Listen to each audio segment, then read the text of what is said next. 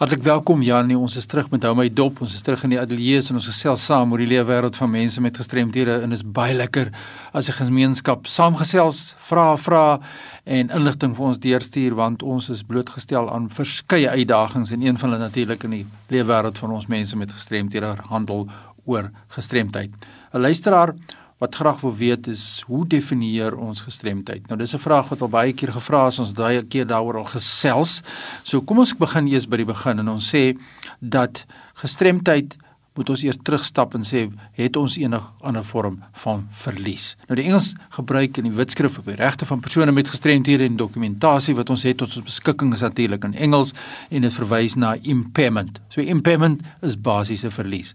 Impairment het niks te doen met gestremdheid eintlik nie. So voor ons oor gestremdheid kan gesels, moet ons eers praat oor verlies. Ek het sigverlies, ek dra bril, is daardie verlies wat ek het werklikheid 'n gestremdheid in terme van soos wetgewing dit sou definieer. So kom ons praat 'n bietjie daaroor en ons kyk ook verder na die Verenigde Nasies se konvensie oor die regte van persone met gestremthede. Probeer ook nie gestremdheid regtig definieer nie, maar hulle sê gestremdheid is eerder 'n konsep. Die Engels wat hulle gebruik is die woord is involving concept. Nou in die Engels aanhaal die sê disability is imposed by society when a person with a physical, psychosocial, intellectual, neurological or sensory impairment is denied access. Dit is nou mondvol. Wat belangrik is om te let is dat gestremdheid word op ons afgedruk, afgedwing. Met ander woorde, iemand het daardie verlies, maar wanneer die gemeenskap daardie persoon weerhou om op 'n gelyke grondslag te kan meeding, dis wanneer gestremdheid dan in plek val. So gestremdheid. Die Engelse woord disability. Disability het eintlik niks te doen met ability nie. Gestremdheid discrimination. Dis waaroor dit gaan. Dit gaan oor uitsluiting. So as ek in 'n rolstoel is en ek gaan na die stadsaal toe en daar's trappe, ek daar is nie 'n oprit nie. Ek het daardie verlies. Ek het daardie impairment wat fisies van aard is maar die trappe weerhou my om op 'n gelyke grondslag te kan meeding. So, die verlies is 'n gegewe. Dit is 'n mobiliteitsverlies, dit is 'n fisiese verlies. Kom ons vat 'n my voorbeeld. Ek het gehoorverlies. En ek wil graag sien wat die president sê in sy toespraak. Maar ek kan nie hoor wat hy sê nie omdat ek erge gehoorverlies het. Daar is nie subtitels op die TV nie. Met ander woorde, ek word gestrem deur die gemeenskap, deur die SAIK dat ek nie kan toegang het tot daardie boodskap van die president as 'n gehoorgestremde sê nou maar.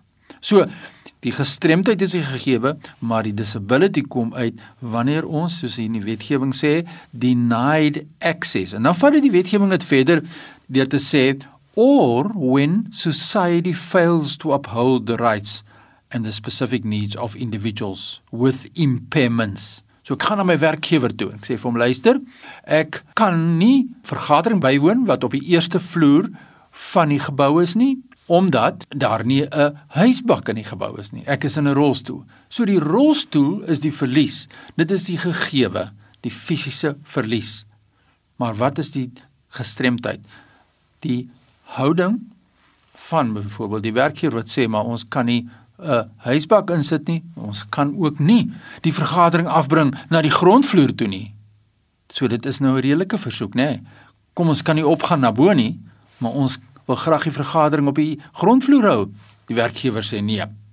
Dan wat gebeur? Hierdie geval is daar nie 'n duidelike rede is nie, dan fails to uphold my rights of wil nie voorsiening maak vir die spesifieke behoeftes van daardie persoon nie. So, saam te vat, disability has nothing to do with ability, but everything to do with discrimination, sê die wetgewer.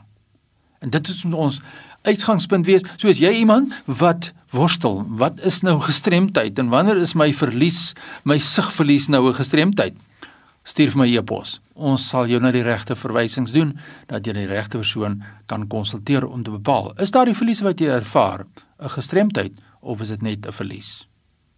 Stuur 'n e-pos aan my by fani.dt@mweb.co.za. Ons hoor graag van jou. Groetens tot 'n volgende keer.